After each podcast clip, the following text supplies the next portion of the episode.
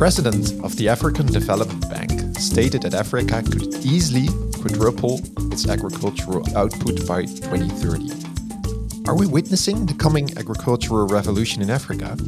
What does this mean for food shortages, poverty, and also business opportunities? In today's episode, we will talk about great African initiatives that aim to solve the trade problems small farms experience and the huge potential in agriculture for Africa. We are honored to do this in our four part series together with the Netherlands African Business Council. And today we are with Christian Demar de Jabrun, the CEO of Zambuko. Welcome, Christian.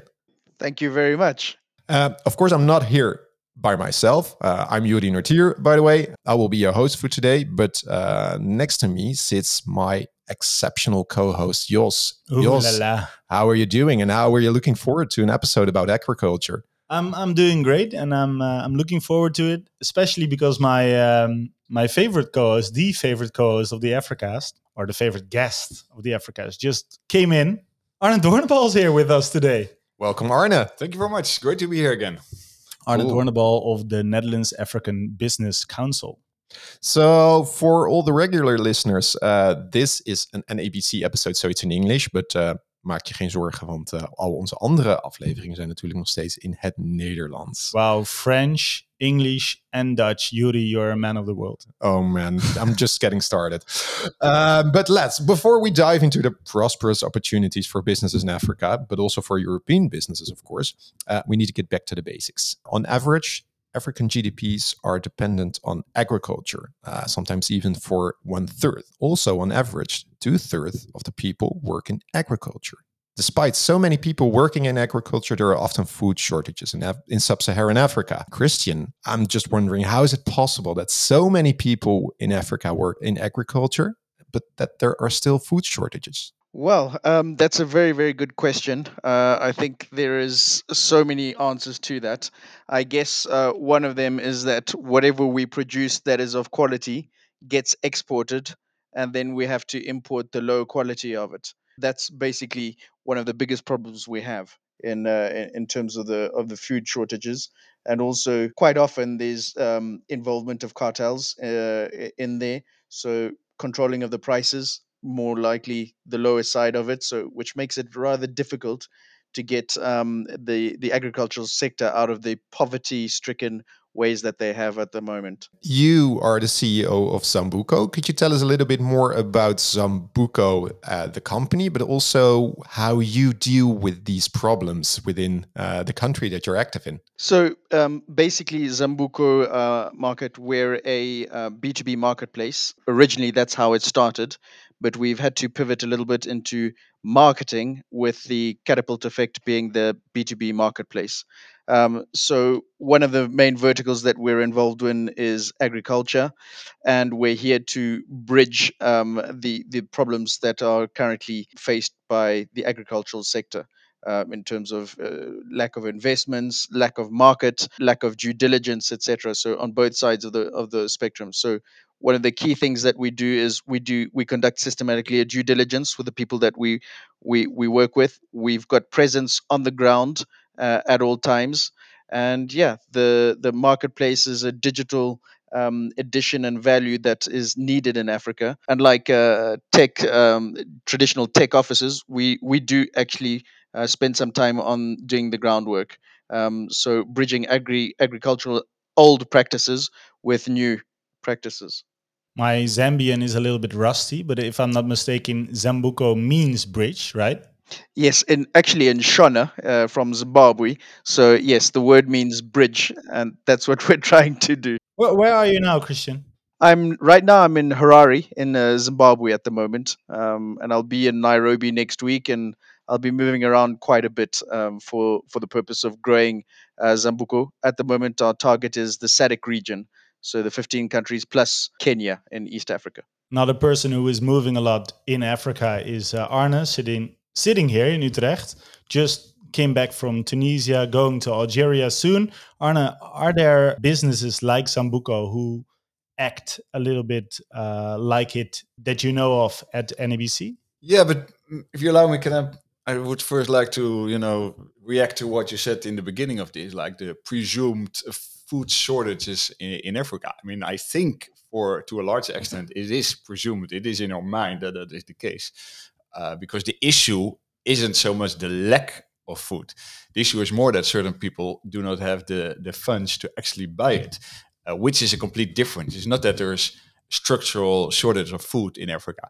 However, it is certainly possible to uh, quadruple uh, food production because, for example, there's a lot of things. For example, I was visiting a seed company yesterday, and they said like with improved seeds, you can easily quadruple uh, output even from normal normal existing land without too much um, too much technology. Does that lower the price as well?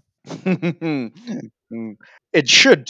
It should, but it doesn't. It costs a little bit more money because you actually have to buy the seeds. Of course, that is the whole the whole thing. But then eventually your yield is going to be higher, uh, and when there's more supply, yeah, then then then then prices should eventually come down. It's not a guarantee, though. Christian, you, you said that it should, but it doesn't. Um, exactly, it doesn't. I mean, regardless of the way you look at it, I mean, when you start producing more and more of a certain crop, you're always expecting that the, the prices are going to drop. We've noticed here in Southern Africa and Zimbabwe, prices don't drop. We had uh, we had a situation where we had um, everyone starting to grow uh, grow uh, soybean, and uh, when the results when the when the yields came out, uh, government stepped in and said, uh, "Thank you very much. We're going to you have to sell to to GMB, so the Grain Marketing Board."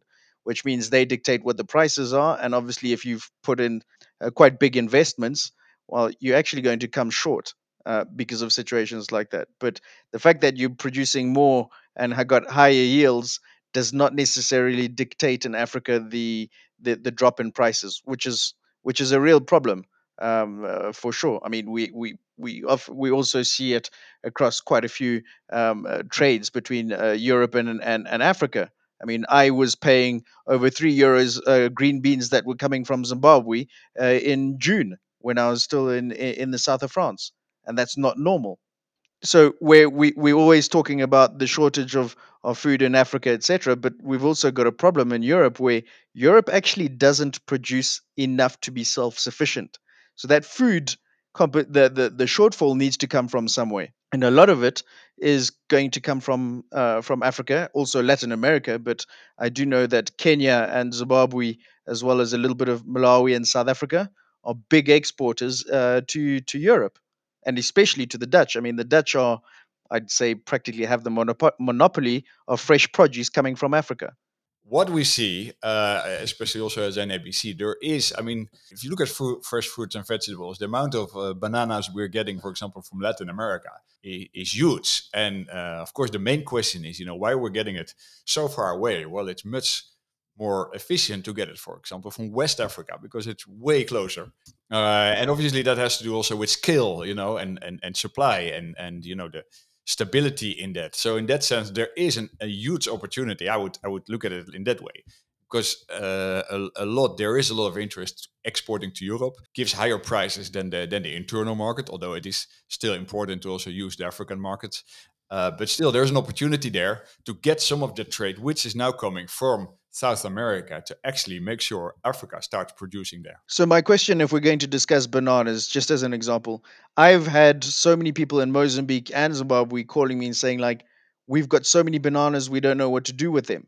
Um, we're closer even than than Latin America. So, what was the difference? Because one of the biggest components in in trade is the logistics. So, the logistics, especially nowadays, is costing a fortune to get things moved from one one one area of the world to the other. So how is it that everyone is importing from Latin America the bananas and not from Africa, whereas we're closer, and the quality is still going to be the same? So that's a that's a that's an interesting question. I don't know if any any of you might have a have have some uh, some perspective on on that on the matter.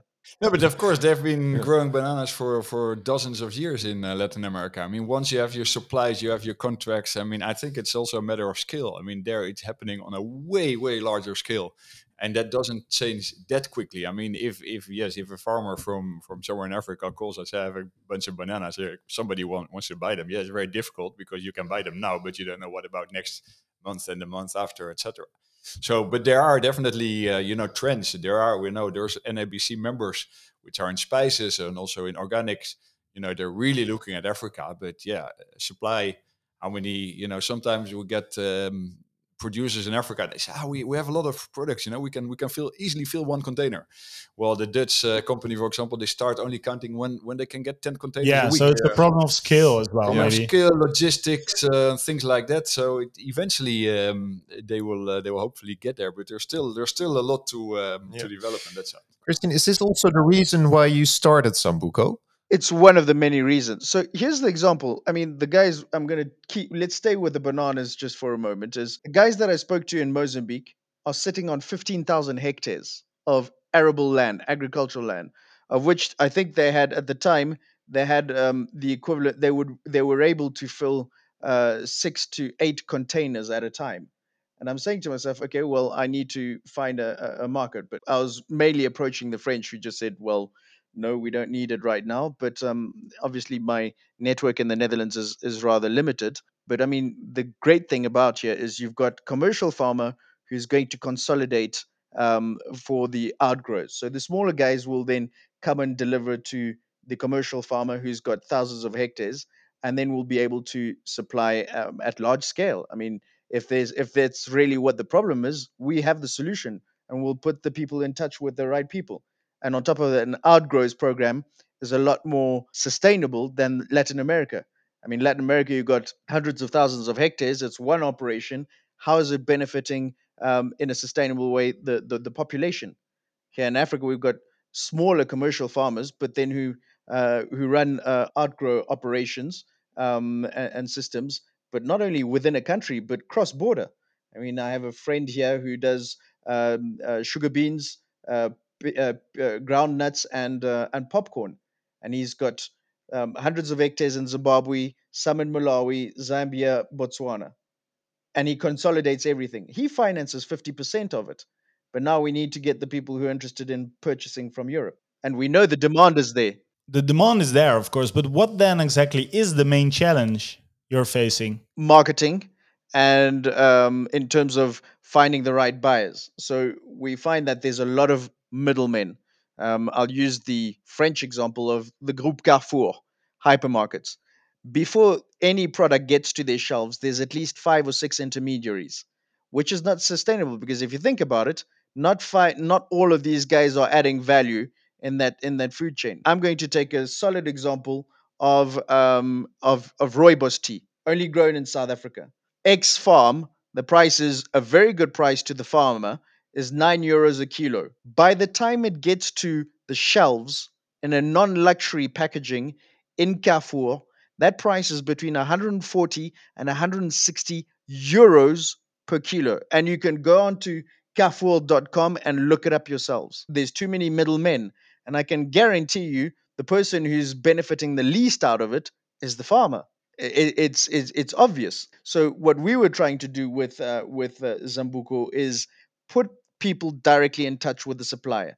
Because we're trying to create a, a safe trading environment on our platform, our due diligence before they even come near our platform we visited them we've been on their farm and i wa- and i drive around and i go around with with someone who's uh, been a farmer all his life and with an agronomist uh, and and with all the experts that one needs to make sure that you know whatever we say we can do is done. That's the big d- difference between us. I know one of the questions that are going to come up are probably going to be how do we fare compared to alibaba? But we're on the ground and we conduct a full due diligence every time systematically on the on the vendor side. So that due diligence, how does that work?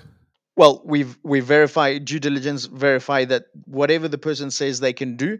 So if someone says well i can produce 1000 tons of sugar beans. Well i'm going to come and look at your farm.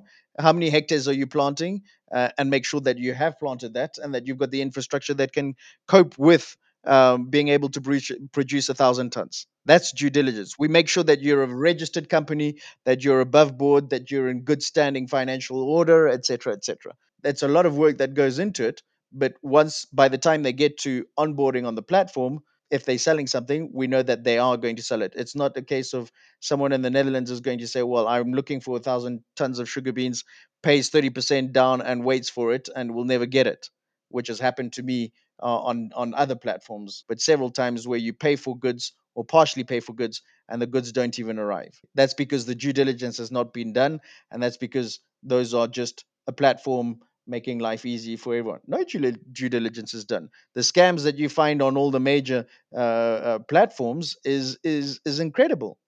It really is, and it's sad, and we're trying to fight that.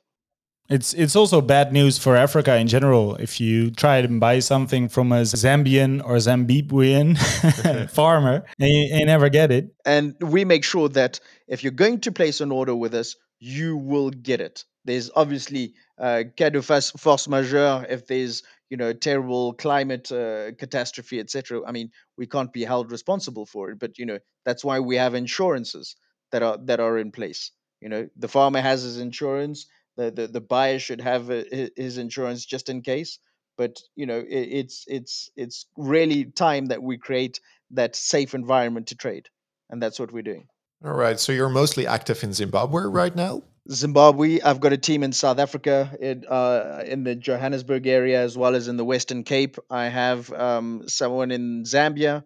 I have someone in uh, in Kenya, where I'm going to be going. And basically, we're setting up, and I've got my network in the whole of SADC region.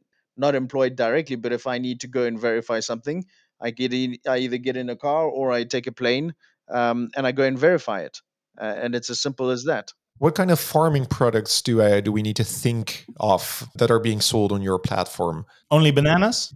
No, geez, uh, anything you want. So the the way we've looked at it and and, and structured it is um, we have access to hundreds of thousands of hectares. A lot of it is sitting idle farmland, and what we're trying to to do is so we've got a, a, a partners who are specialized in uh, farm management, um, and every farm manager is specialized in a specific or two or three different crops and we would then put them on that specific farm. But first of all it's a bit of a chicken and egg situation. When you speak to people in in europe they we say well we've got access to uh, this and uh, to quite a lot of um, of fresh produce. They say okay what do you have? And then on this side they'll say what do they want? How do you solve that?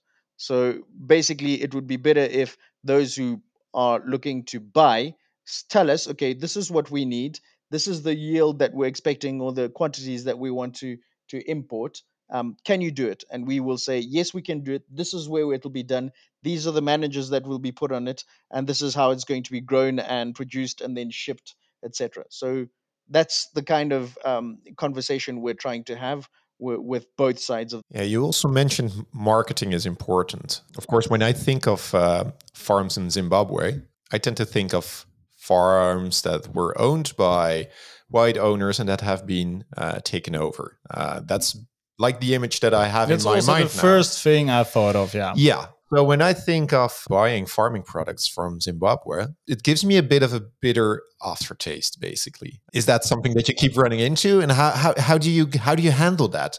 Okay, so there's various ways of handling it, and we're we're in the thick of it. I'm uh, my father was a white uh, farmer, so uh, also fell victim to that. All my friends um, are the same, but um, you know, it's at some point we we decided, our generation decided, like you know, there's no uh, point in crying over spilt milk and and holding grudges or or, or being um, angry about things because it's not going to pro- provide the solutions. So we more or less you know have the the mentality forgive and forget to a certain extent. I just hope it won't be badly interpreted but anyway forgive and forget and let, what are we going to do about it? So there's a lot of land that's BIPPA protected and it really is. Uh, we're getting involved in an operation just outside of harare uh, which is where the land has been actually given back to the original owners and because it was BIPPA protected land um, so that's one thing the other is quite a few SEZs are, are being cordoned off. People say, okay, we're going to allocate X amount of hectares, and that is a special economic zone, so nobody can touch it, etc. The other thing, I mean, this is a lot at a lot smaller scale, is you have some people who've benefited from the land reforms, but you're sitting on the idle land and have decided that we want this land to be productive. And we've been approached and said, can we do it? And we said, we can't do anything if it's on contested land how can we solve that solution and actually one of them and then we replicated that said well what we could do is we find out who the original owner is, we start producing, and we allocate a percentage of that to pay that farmer back, which is uh, quite an interesting um, way of looking at it. Obviously, it's very quiet at the moment because it's very one person here and there, but we're trying to to actually get a lot more people interested, and the people who are forward thinking are actually thinking it's a very very good idea to adopt this sort of strategy if they want to stay on the farm. The problem is there's too many idle farms. You know, people who are sitting on the farm and owning these farms but without producing anything. And that's a problem. And we're here, we'll say, okay, well, we would like to to make sure that that farm starts producing. Right. Yeah. Because I also saw in in in in a video that um, it's also your goal to support one million farmers by 2025. How are you going to do that? Outgrow, outgrows programs mainly. So we're going to be creating um, hubs um, uh, in each country. So where we've got commercial farmers in in, in strategic regions, and then uh, with that we'll then um, speak to the the smaller uh, rural communities and farms who are on two, three, four, five hectares. Uh, we've got a, a group of people here who are looking at go- uh, growing garlic in an outgrows program, and then we have a commercial farmer who's got it, and he centralizes and consolidates everything, and then makes sure that you know all the out the art outgrow farmers are doing um, the right way.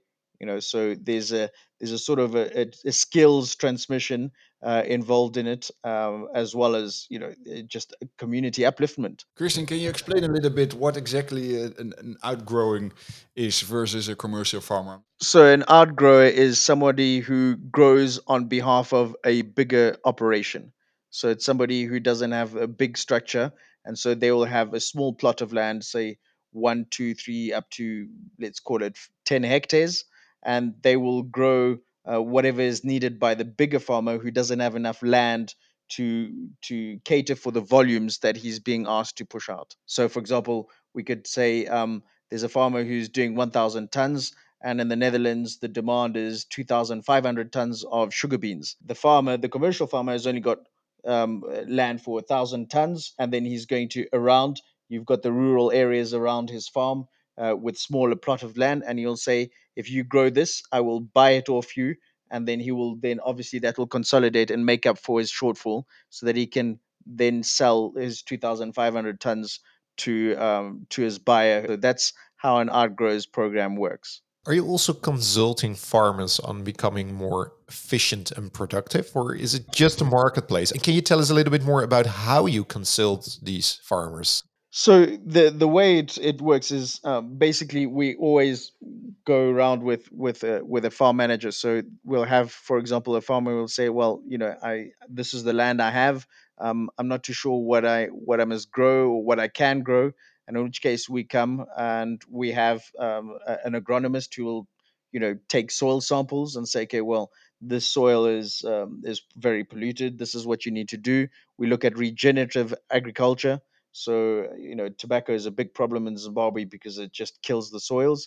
But you know, we, we're looking at systems where we can we can um, work around that. There's in terms of they always need machinery or inputs, and that's where we say, okay, well, we have the network to provide you the right inputs for that type of soil. You need equipment, agricultural equipment. Well, we have uh, the appropriate partners, and if you've got a history, um, you know, past performance, you've been farming for three years or more, uh, we have a look at you and we can actually uh, finance your your equipment. That will generally come most of the time. It comes from the Netherlands with everyone you've got uh, Dewulf, etc. And then it's on a it's on a three to five, three, five or seven year you know um, uh, finance program. Uh, so we do that. Energy is a big problem in in Southern Africa. So we've got partners who supply commercial setups so that you don't have any downtime. You always got power to run your your your, your operations. There's so many ways that we actually help the farmers. Um, it, it all depends. Everything is tailor made to to circumstances. Right, but this sounds like much more than just well the Alibaba uh, comparison. Of course, uh, we have to leave that behind because uh, you you sound like much more than just a marketplace now. Uh, that's also uh, what you're aiming for in the future. Absolutely. So there's we're a tech company, very small tech. Um, what we've noticed is that we we mentioned briefly the um, the marketing. So we've noticed that the marketplace is quite daunting for a lot of people here, where it's uh, they not even they don't even have a digital presence. You know, forget the website, forget the the social media. They've got absolutely nothing, and so getting a market, a global market, let alone export, is is quite difficult. So we're here, we approach them and we say, okay, come on to our B2B, you can sell your products. And for them, it's too daunting. So we've recognized that. But however, they do understand marketing. So instead of saying, oh, can we, uh, the B2B, we're interested, they say, do you do, by the way, uh, marketing? So, yes, we do marketing. Okay, so um, could you do the marketing for us? That's where they're at. So the idea of actually setting them up, giving them a digital presence, so they get familiar with it. Basically, we take them through the, the journey from completely off the grid onto the digital world, and then from there, slowly they'll be able to migrate onto um, a a B two B marketplace, which is the ultimate goal, uh, of course. But uh, we we help them all along. We'll provide them with their own website. We get them familiar with social media and marketing and all sorts of of tools and and, and skill sets, um, so that they can they can you know get some form of of, of presence and visibility because at the end of the day without it we ain't going to get anywhere very fast one other problem is that many Afri african countries have is that not too much of value is added before exporting so is agri agriculture just like exporting raw materials or uh, what kind of extra value could be added to, to keep most of the economic gains more in Africa itself instead of the middleman or the party that adds more value to an agricultural product? Okay, so um, that's a very, very good question and point that we're trying to address. Is we're trying to look into um, a scenario where we start adding value. So food processing is one of them. So, for example, here in, in, in Zimbabwe, we have a couple of people who, who who who do the food processing, but it's nowhere near as big as it should be. So there's a lot of waste actually um, of produce that gets wasted because a the, the there's a lack of energy to you go to the the rural areas there's no fridges. You go to the open markets there's it's not refrigerated. It's not like going to Rungis in Paris where it's a it's a it's a it's a town uh, a, a refrigerated town. So a lot of things if it's not sold today well you're going to have to throw that away because with the heat and everything um, it, it's uh, there's far too much waste. So that goes back to our original question you know we're, we're, we're wasting a lot of produce which could feed those who, who are starving so if it's not sold today, you can go to the processing plant and they'll buy whatever you left of uh, left left over with. You know, that's that's one of the ideas that we we had. But food processing definitely important. We have it. It's very small, but there's huge scope to scale and grow that. So my idea would be: can there not be uh, one of the big agro agri companies in in in Europe, one, two, or three of them, who would be interested to actually set up their factory f- to cater for the African market. I mean, that would be sustainable. That would be value adding. That would be, you know, uh, I don't know. It, it, it makes sense. Uh, and it wouldn't take much to get here. Done in China, it's done everywhere else. Why not here? Arne, is that a problem you see on a broader scale in Africa? Yeah, I mean, of course, we prefer talking about the challenges and the solutions for it. But I mean, no, it's a it's a problem, but it's also a business case, right? I mean, there's a lot of NABC members that are uh, selling cold cold stores. There's cold stores, there's cool stores. There's a difference between the two. Um, uh, potatoes, for example, you need a certain temperature. You can you can keep them for months. Uh, if you don't have that, they get spoiled after a couple of days or weeks. Uh, those are very crucial crucial things, and um, yeah, definitely there's there's there's interest for that on the African side.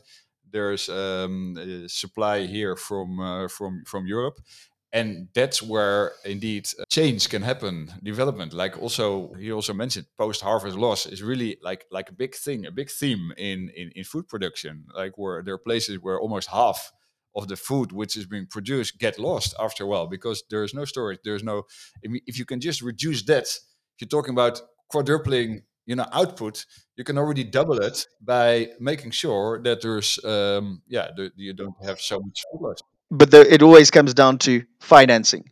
So, I mean, I would be more than happy to take on the risk of setting up all these uh, uh, warehousing, simple structured warehousing, obviously everything off the grid, run off solar, because that's we've got plenty of that here. Th- that takes care of the of the energy problem. So we create hubs where we have collection points for the outgrowers, even for the commercial growers, and then these get collected for whatever goes to export goes to export.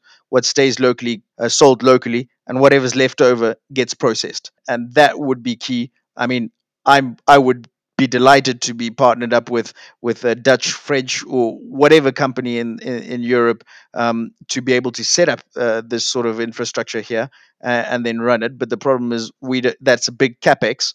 Or, but if I was in Europe, I could do it in Europe because you know, oh, you're in Europe, fine. How much money do you need? Okay, you go to the bank and they say, okay, here's uh, five million euros um, uh, to because you're, you're you're paying for infrastructure. That's fine, and you pay it back over X amount of time. We could access that as a business that's registered um, in Europe, but uh, in the UK, but also in Africa, etc. I mean, it would make sense and and there there would be amazing returns. I mean, the returns there's no question on it.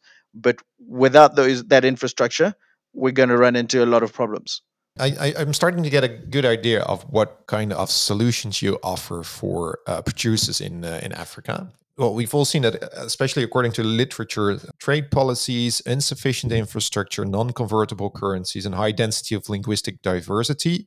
Uh, these are all barriers to trade with African countries. Can you tell us a little bit more about what Zambuko is doing to overcome these bottlenecks for overseas buyers? So buyers from the net for from the Netherlands, for example. Um, so, geez, that's a that's quite a quite a big one because there's there's a lot of um, what we call the pain points that, that that are encountered, and the pain points are all related to, um, for example, um, cross-border payments, as you mentioned. You know, um, all the different currencies, etc. But logistics is another one. But we're actually moving forwards in the right directions. We're trying to partner up with uh, logistics companies around Africa. Also, one of the big important ones to take into consideration is trade finance. Trade finance is available for the huge global companies, but when it comes down to SMEs and, and smaller structures, there's nobody in that space or very few people. I see on, in the tech world, everyone's saying we're doing this, we're doing that, but uh, concretely, as soon as I send anybody there, oh no, but, and there's too many oh no buts. So it's time we found a financial institution or a fund that would help us to to do that because I mean there's legitimate businesses that are suffering because of lack of uh, access, you know, to to to to good uh, to good finance, to good uh, to good everything. You know, we take it for granted in Europe, and um, and I wish that was that would you know be there would be a repercussion here in Africa by opening the market that will help the locals as well because you, we do tend to find a couple of cartels who say well you know who are happy with the current status where farmers are uh, don't have access to the outside market and these guys says well you're either going to sell it to us or you're not going to sell it to anybody. So this is the price we're offering you. That is something that we need to address. The only way to address it is by opening up the market you know giving access to the outside of what is available inside before we're going to specify or talk about the opportunities, um, I want to go over to Alexander Valeton from Media HQ for his column of this episode. The EU Africa trade balance.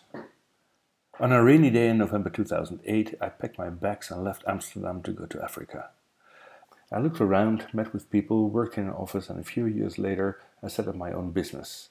Now, in November 2021, I am still here in Kenya, running small businesses and trying to understand what I'm doing.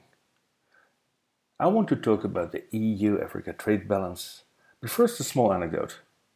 There are always these waves of agriculture trends that farmers dive into hoping to catch some easy cash. It starts with an individual success story, and then that story is backed up by others who copy it and become rich. And then suddenly, thousands of people jump on the bandwagon and then there is too much production, and the whole pyramid collapses, except for a few pros who thought longer and have solid business plans. Recently, we had gooseberries. How many gooseberries did you eat today? We had quail eggs. They were all over the place, and now you can't find them anywhere anymore. We had rabbit urine. It's a very good fertilizer, but harvesting is a bit difficult. And now we have an avocado case. Over the last six or seven years, there was a huge investment in the avocado business. The global demand for avos is huge, and here in East Africa, they grow easily and in abundance. But the wrong ones.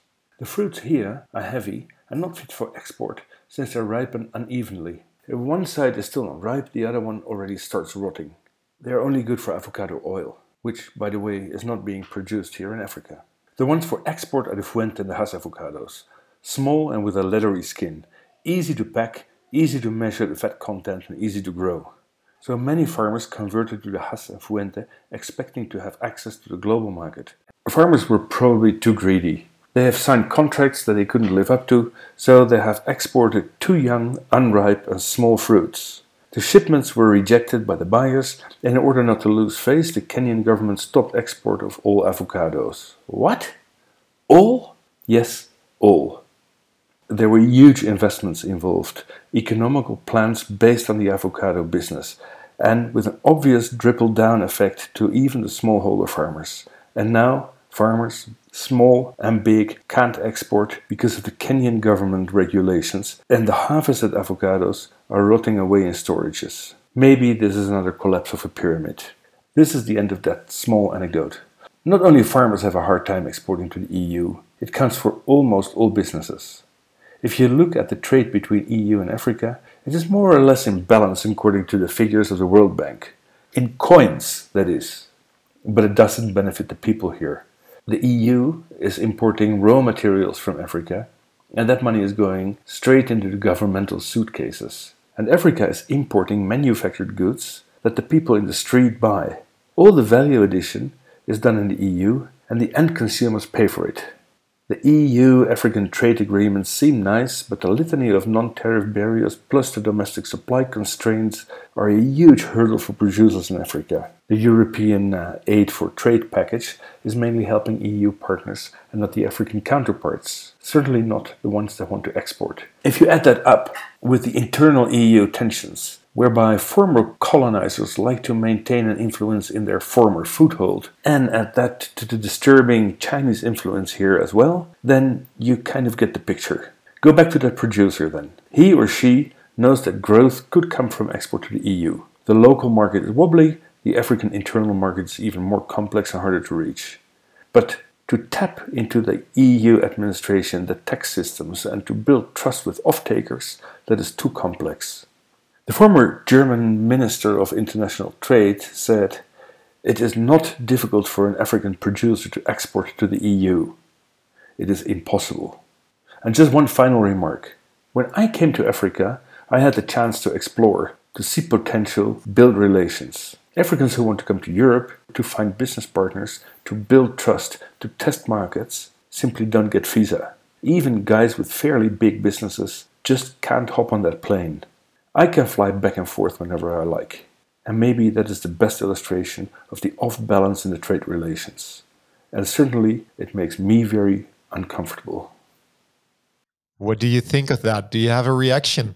Jeez, I, I don't I don't even know where to where, where to start, but there's a lot of valid points, really really valid points um, uh, that were mentioned there. What's the one thing that stood out for you? It's it's tricky. It's um, we have where he has plenty of examples where you know it just it's not working where the the german minister says it's impossible. That's where i'd say no that's not true. It is possible. It's just finding the right way of doing it. And i mean i see examples even in zimbabwe where we've got a couple of farmers who have never stopped exporting and who've got their their their, their relationships etc and we've got and that needs to be that needs to be said. It's also important to also notice that we're terrible at marketing ourselves. You know we're only talking about the problems in africa and very little about you know there are people coming up with solutions. So that's to be noted as well. That's what we're here for uh, christian. Yeah exactly. So i mean the avocado uh, problem in in kenya that was um, sad but at the same time um, we've got uh, here in Zimbabwe people exporting avocados, macadamia nuts, etc. So without a problem. How does it? Uh, how do we find a way to make sure that the, the the playing field is leveled out for everybody? And that's what we need to do. The only way is possible is create opening up the market and making sure that there's due diligence. We need to uh, get um, people regaining trust in doing business with Africa and it's not it's not a unicorn sort of situation where you put in uh, X amount and you're going to get uh, Y unicorn sums of money back. It's a slow, long process. You have to be patient in Africa. You can't come here with millions and expect uh, results overnight because unfortunately it doesn't work like that. That's an important lesson, of course, that we have to take into account. Uh, talking about opportunities, one thing that I read is that the intra-continental trade is only good for about 2% of many African GDPs. So, for example, Nigeria sells most of its palm oil abroad, and then Kenya, for example, buys most of its palm oil from Malaysia. Why is there no bilateral trade? And is this also a big opportunity for you? Absolutely. So, I mean, that was actually the, the, the African Free Continental Trade Agreement was what triggered me uh, founding and launching uh, Zambuko Market because it was it was prime time, and the fact that most of the countries have ratified the, the agreement is is is is great news. Um, if we look at you know is there um, cross border and bilateral trade? Yes, there is. That's why we've got the SADC region, we've got ECOWAS, we've got the Eastern African Trade Bloc, uh, Central Africa.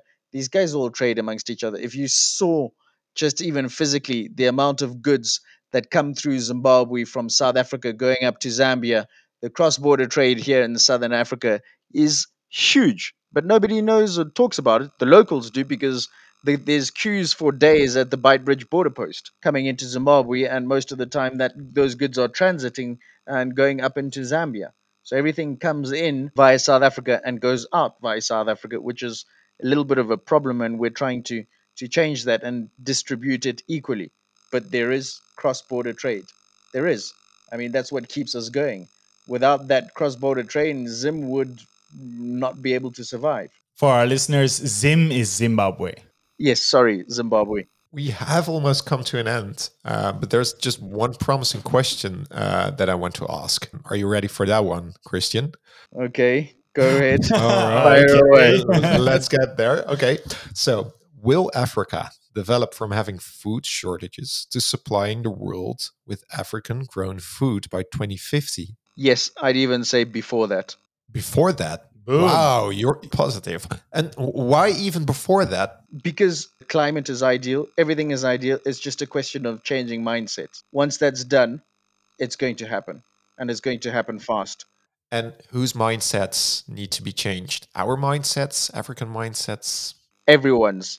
Everyone's mindsets. Because if you take into consideration that, you know, the Chinese have heavily invested in different sectors here in, in, in Africa the the reason why their economy is booming is partly on the back of of, of being of trading with with Africa. Um, you know, after that, you know, there's various ways of looking at it. But 30 years ago, where was China? They were where we are today, except that all their raw materials they get it from where? From Africa. So the day that we decide to start adding value to our raw materials is going to change everything. I think there's a, way forwards with the African Free Trade Agreement, etc., of cross-border trade in Africa, as well as trading with Europe, Middle East, and going west. And I think that over the next 10 years, 15 years, we're going to see a massive, massive difference. I think it's possible. And I do think that we are going to be feeding the world by 2050 at the latest. What about you, Arne? Yeah, I mean, it sounds promising. Obviously, it's it's still far. I mean, there's a couple of factors uh, we do obviously need to into account, like how quickly the population keeps growing in Africa. What climate change. Climate change going to be. I was just going to say that I've seen maps that you know certain areas are, you know, experiencing uh, or potentially having less agricultural output in the coming uh, 10, 20, 30 years. But yeah, but combined with what I just said about the potential to still increase uh, and to use a little bit more advanced techniques, there's um, yeah, it's it's it, there's definitely still a lot of uh, a lot of growth possible. Would you like to put a wager on it? We'll meet in 2050 and see if Africa is um, is actually feeding the world or not. We'll meet in Harare in 2050. Let's agree all of that. We're still all young guys, so we'll still be there in oh, 2050. Def- definitely. We'll uh, be, um, yeah, well, let's do that. Yeah, we have this podcast as proof now. So let's do that. Sounds like a good idea. Absolutely. Absolutely. We have already come to the end of this episode about agriculture and business solutions for African trade. You can listen to all our podcasts back on Spotify and our website, which is africast.nl. If you want to know more about the Netherlands African Business Council, just go to www.nabc.nl. Thank you for listening to this episode, and special thanks to our guest Christian Daimar de Jabrun, the CEO of Zambuko. Christian, thank you very much for joining us. Thanks, Yuri. Thanks everybody for having me on on the podcast. It's been an absolute pre- pleasure to exchange with you. Uh, we were also very happy to record this special episode at Werf 5 in Utrecht, downtown in a wharf. And also thanks to Alexander Valeton from Media HQ for the sharp column. And thank you, Arne Doornbal from NABC for being here and for asking some very good questions. Jos, always thank a pleasure. You, thank you as well for uh, being my uh, wonderful co-host. Today's editing was in the wonderful hands of Ruben Elans. We'll be back in two weeks with another Dutch episode. Thank you for listening to the Africast.